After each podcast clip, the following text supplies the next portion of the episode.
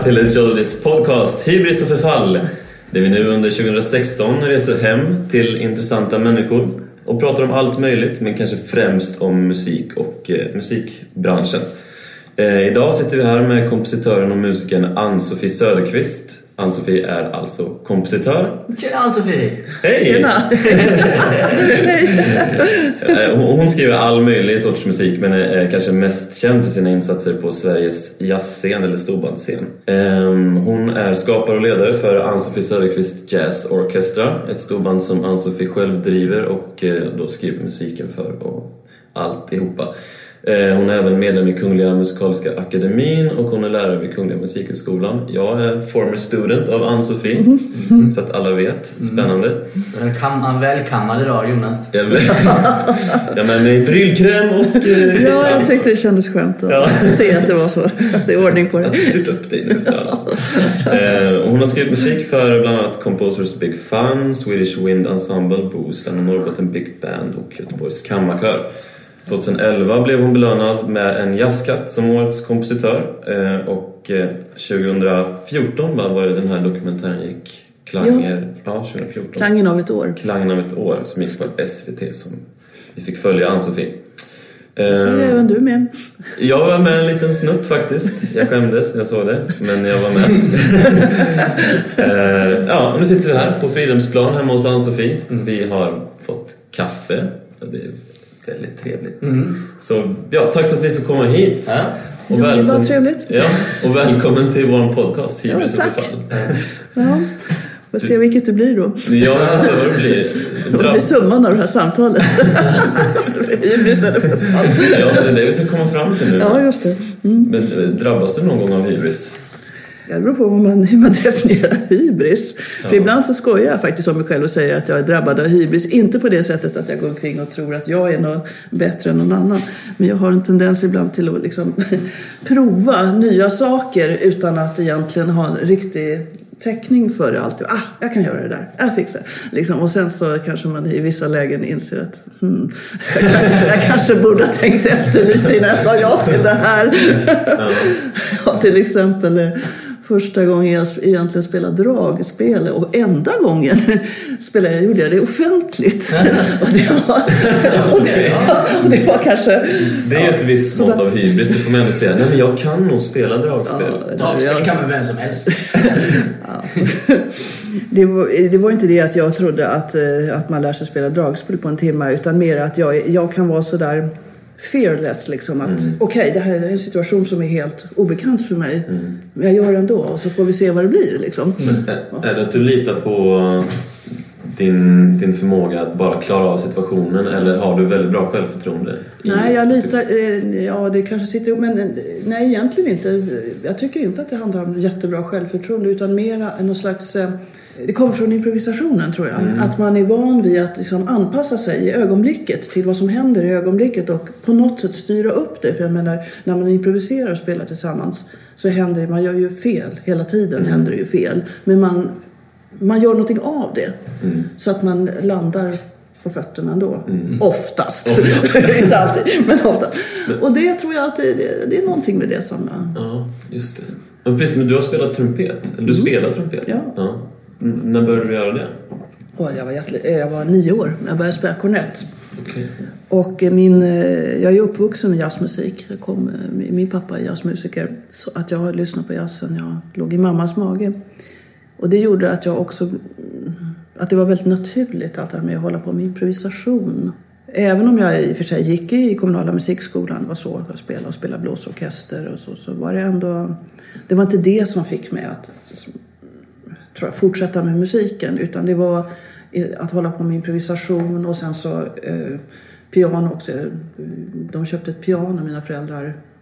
Jag var 12 kanske, någonting sånt. Så då började jag spela piano och lära mig själv, liksom sitta med ackord. Och så fort jag kunde typ två ackord så skrev jag en låt. Så det ja, fanns i mig liksom mm. redan då.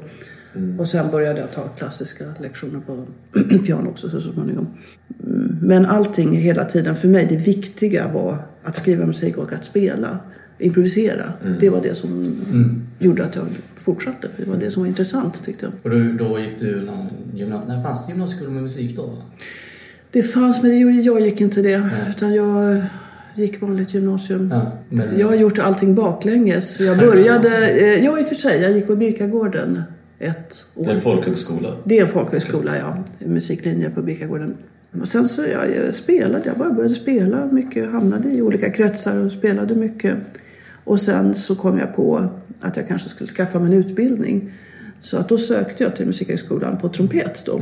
Och, och kom in då, då var jag eh, 28. Och eh, sen så... Visste du att du skulle bli kompositör då? Nej, alltså eh, apropå det där med självförtroende, hybris och sånt. Jag hade sån otrolig... Jag skrev ju musik hela tiden. Men jag kallade mig inte för kompositör. Idag så tyck, kallar sig ju alla för kompositör. Om man har skrivit en låt så är man kompositör. Men eh, jag kallade inte, för jag hade sån respekt. Jag tänkte, Mozart, man går hem och hör en symfoni och sen går man hem och skriver ner den. Man har hört den en gång. Det är den nivån när man är kompositör. var min, alltså jag överdriver lite med så. Ja. Men jag skrev ändå eh, musik hela tiden. Och sen så började det bli så. Det, eh, det var mycket tillfällighet att man är någonstans och man lär känna någon. Och så det blev att jag eh, med mina egna grupper. Jag hade alltid skrivit egna låtar och så var jag intresserad av att arrangera och sådär. Så att när jag då började på Ackis som trumpetare så tog jag också lektioner i arrangering av Bengt-Arne Wallin. Eh, och sen så började jag skriva mer och mer. Och eh, skrev också, började skriva lite ja, det här teatermusik och så, så småningom lite storbandsarr och sådär. Och sen öppnade sig en möjlighet på Musikhögskolan igen. Långt senare. Då hade, jag, alltså då hade jag ju redan skrivit väldigt mycket. Och då hade de öppnat eh, en linje som var riktad till yrkesverksamma. En kompositionslinje som var riktad till yrkesverksamma för, som då ville förkovra sig. Ja. Så då sökte jag det och kom in. Och där började jag 99, så det var ju väldigt sent i livet. Jag var ju över 40 då. Ja. Det, det var döden för trumpetspelet kan man säga. Den, den offentliga avlivningen utav... ja, nej men det, det, det. Alltså ska man spela trumpet... Jag spelar ju fortfarande, jag tycker det är jättekul att spela. Men jag spelar ju inte lika mycket som jag gjorde förut. För att det, och det handlar ju om tid. Hur lång tid tar det att skriva ett, eh, ungefär ett, ett storbandsstycke, ett vanligt? Eller vad man ska säga, ett vanligt Ett är svårt att vanligt. säga. Vad, vad innebär det? Men eh, 20 minuter, 20 minuter musik, beställningsverk. Vad, hur lång tid tar det? Det kan ta hur lång tid som helst. Eller så kan det gå ganska fort. Måste det gå fort så går det fort. Mm, precis, deadlines är deadlines. ja, men eh, det är klart det är ju ingenting man gör på en dag. Det är det ju inte. Utan det kanske tar eh, några veckor, helst några månader. Mm. Har, du, har du jobbat eh, med en komposition ganska länge och varit i, i faser där det känns som att ja, men, eh, nu eh, börjar det likna någonting och sen så har du insett att det här är skit. Jag måste slänga alltihop. Inte allt, men jag omvärderar ju ständigt. Och eh, har en tendens till ibland att pilla också i sånt som jag redan gjort. Istället för att eh, låta det vara som okej. för man kan ju tänka så här att om man har gjort någonting och sen så okej, det här var ett uttryck för den jag var då. Nu går jag vidare och gör något nytt. Va? Men jag blir så här, eh, "Huh, Ja, men varför har jag gjort så där? Och, åh, det, men det där borde man kunna göra så här. Och så börjar man tycka att det blir bättre att göra så här och så här. Och så skriver man om och ibland blir det bättre. Ibland blir det inte det. Nej. måste vara en speciell känsla också där. eh, När man har gjort någonting som är något för, något för länge sedan. Och ska visa upp det liksom. Det måste vara väldigt Men speciellt. det beror på om man gillade sig själv då. Ja. Gjorde man inte det, då kommer man ju hata det man har gjort. Ja. Jag var faktiskt i den situationen nu. För, eh, jag har jobbat med Stockholms blåsarsymfoniker. De hade en konsert 20 februari. Och då spelade de ett stycke som jag skrev till dem för fem år sedan som heter Trumpet Stories. Och så skulle de nu spela det igen. Och så frågade de mig, kan du tänka dig att skriva om det lite grann, bara förkorta det lite? Så började jag då titta, ta fram mitt gamla stycke som jag inte har tittat på sedan, sedan dess. Och så blev jag så här, nej men Dels att korta ett stycke, det stycket var från början 12-13 minuter och så skulle det ner till typ 9. Det är ganska mycket på en sån eh, sträcka. Och då så var det ju det då, arkitekturen, vad ska man ta bort? Och sen så också skriva om det, för jag hade byggt det väldigt mycket på de här tre hornen. Och så fanns det bara två horn nu, vad gör man då? Liksom. Alltså det slutade med att jag tyckte, men gud varför har jag gjort så här? Varför har jag gjort så här? Men gud, det här är skittråkigt. Och sen hade jag tyckt, byggt det på en grej med slagverket som inte funkade så bra på konserten då, för fem år sedan. Så jag strök det helt och hållet. Och ja, så det slutade med att jag gjorde om hela stycket. Och det var jättebra. Det blev mycket bättre och mycket effektivare och det blev världens hit när vi gjorde det. Så att det, var, Yeah. det var bra. det var bra att göra det. Just det. Eh, Du var ju konstnärlig ledare för eh, European Jazz Orchestra. Det var 2015 va? 13. 2013 var det. Eh, hur var det att jobba med så unga människor? Men det var roligt. Det var ju väldigt speciellt. Ehm, Var trummisen rutinerad? Nog. det var ju just det. Det var ju med 2014. Var det just det när vi var i Turkiet. Ja. Det var en reunion. Det var en reunion, okej. Ja, men vi, jag gjorde ju en turné innan. Nej, men det var kul. Det var ju väldigt speciellt. Eh, jag tänkte inte så mycket på det. Att de, de var ju inte så...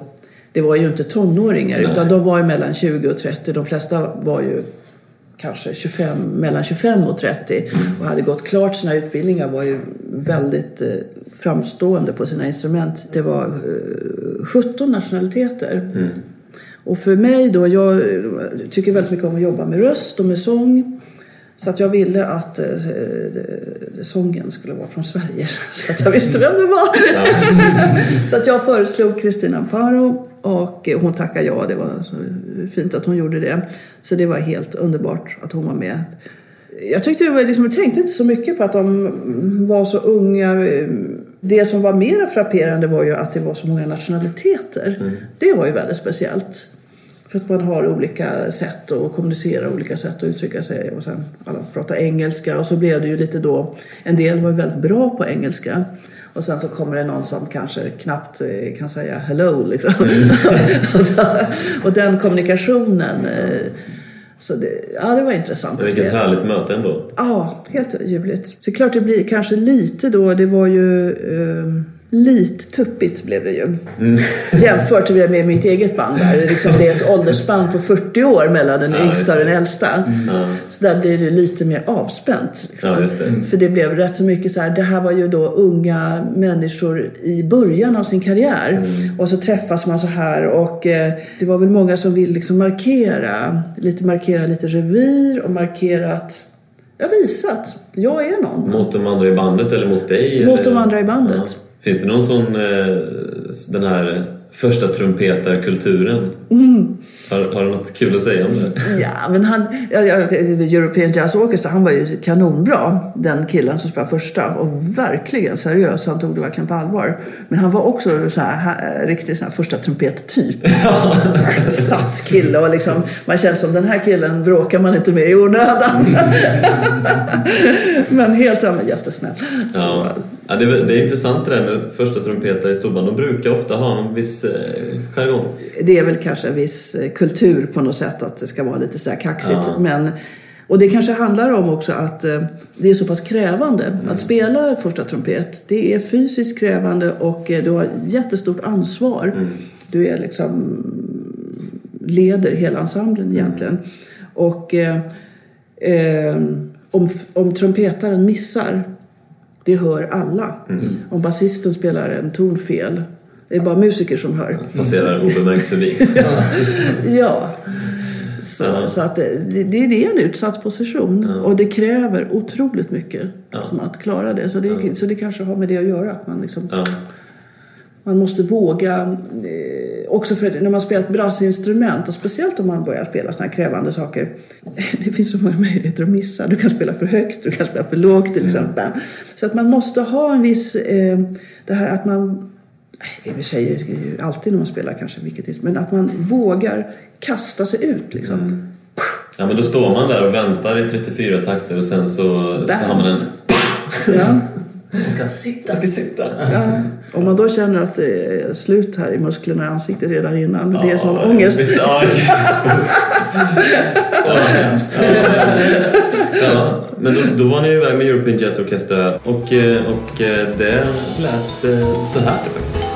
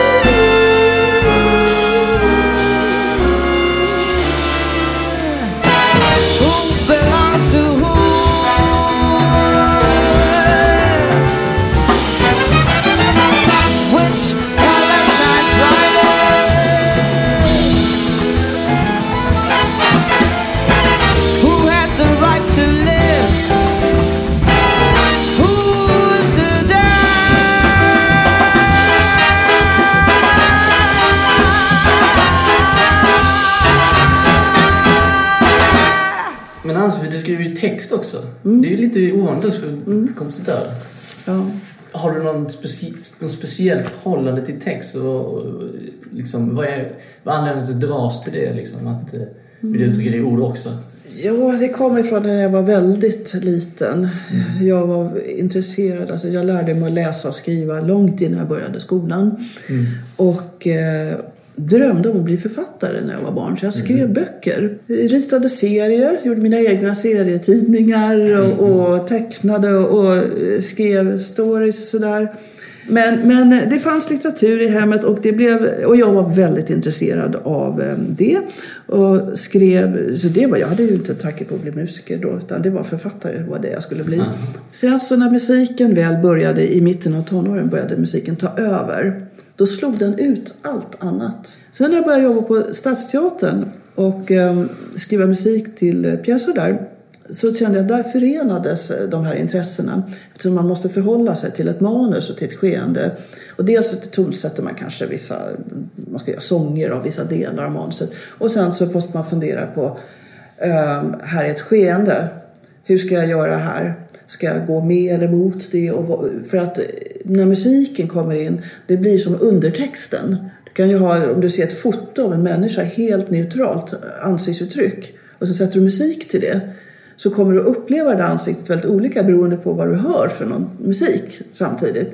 Ja, det gjorde i alla fall att jag eh, kände att de här intressena eh, förenades. Det var så här också att när jag började göra låtar när jag var 13, 14 sådär. Då skrev jag låtar med text. För jag satt och sjöng och spelade piano och kompade mig själv på piano.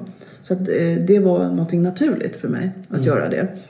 Vid tiden då för att jag bildade det här storbandet så hade jag kommit till någon punkt där jag liksom gick tillbaka till det jag gjorde då när jag var så här 13-14.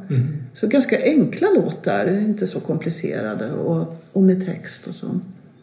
Och den egentligen viktigaste låten för mig just då, det var Min mor gick bort i cancer 2008.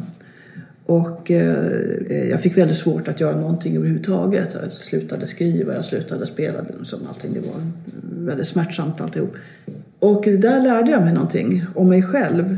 Det går inte, man håller på att bearbeta någonting. Man kan inte skjuta det åt sidan. För jag var först att jag måste försöka komma igång och skriva. Jag måste försöka komma igång och spela. Bort med det här sorgen, bort med det här. Och sen kände jag, det går inte. Jag måste göra någonting som handskas med där jag är, här och nu. Så skrev jag om det istället. Omfamnade där jag var. Och då hjälpte det mig faktiskt att gå vidare. Bara, det kan ju låta stort liksom att en låt gör det, men det, det var så. Och eh, det hjälpte mig också att vara lite modigare med att faktiskt göra, skriva texter och skriva överhuvudtaget skriva musik, att vara där man är. Man har, har ingenting att förlora på det. Och den där låten, den har jag, så folk, jag har lagt ut den på ja, på Youtube och så här. Och folk har skrivit mig från hela världen. Liksom. Så, för att de har känt liksom, identifikation med den. Så. Och den heter Abienton. Vi ska lyssna lite på Abienton. Mm. Listen now, the wind is weeping. Drops of rainy tears knocking on the window, whispering your name, whispering your name. The dreamer's night, world in the making. The space, the way to you, the place, the path to go. It's just a breath away, just a breath away. Searching light, the day is breaking. Through the morning haze, the image of your face is just a sigh away, just a sigh away. Another time, another pace, the ship has left for another place. Time to let go, time to rest. The struggle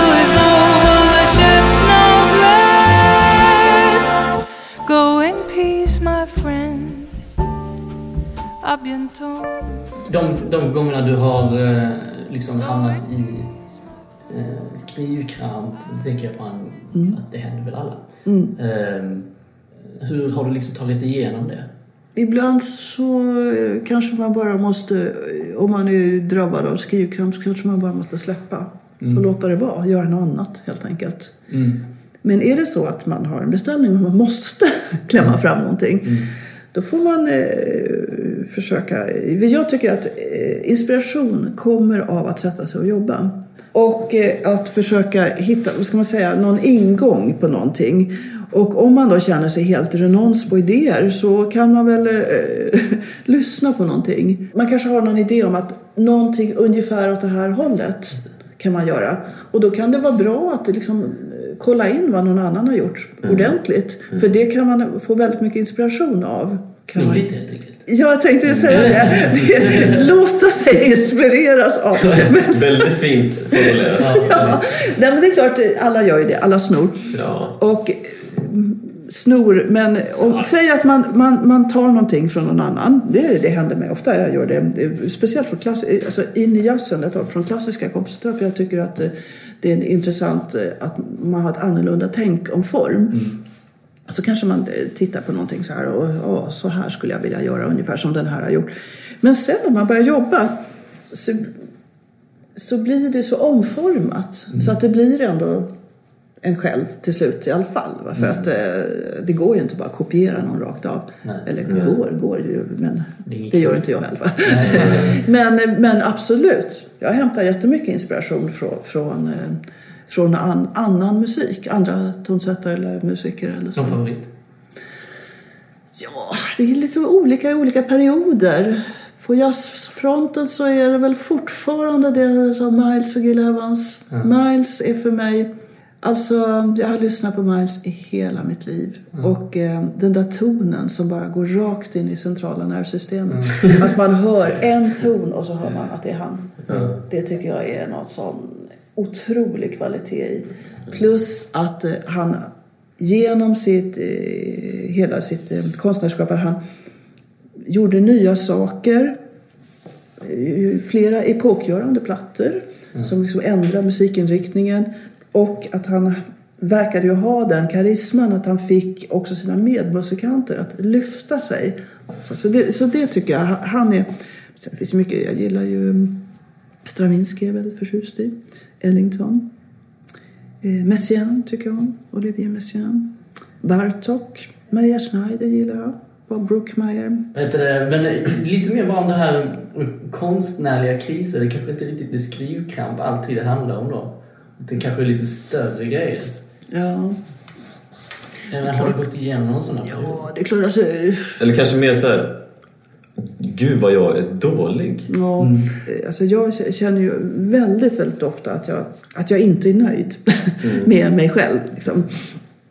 Även om jag har blivit lite bättre på att acceptera mig själv ju äldre jag har blivit. Men är det då, kan man säga då att, att ditt, liksom, dina kriser och ditt förfall driver dig till att bli bättre? Snarare än tvärtom?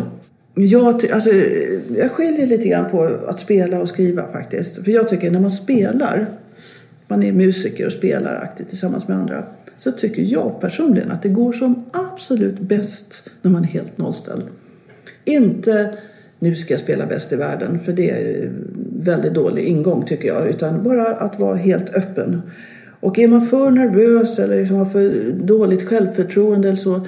Jag tycker inte det alls är någon bra eh, drivkraft. Utan det handlar ju om att hitta, hitta in i sitt flöde. Att få kontakt med, för man har ett flöde, alla har det. Och det gäller att få kontakt med det flödet. Och det tycker jag inte man gör genom eh, att koncentrera sig på negativa saker. Man ska vara medveten om, om, man- om man spelar in sig själv till exempel.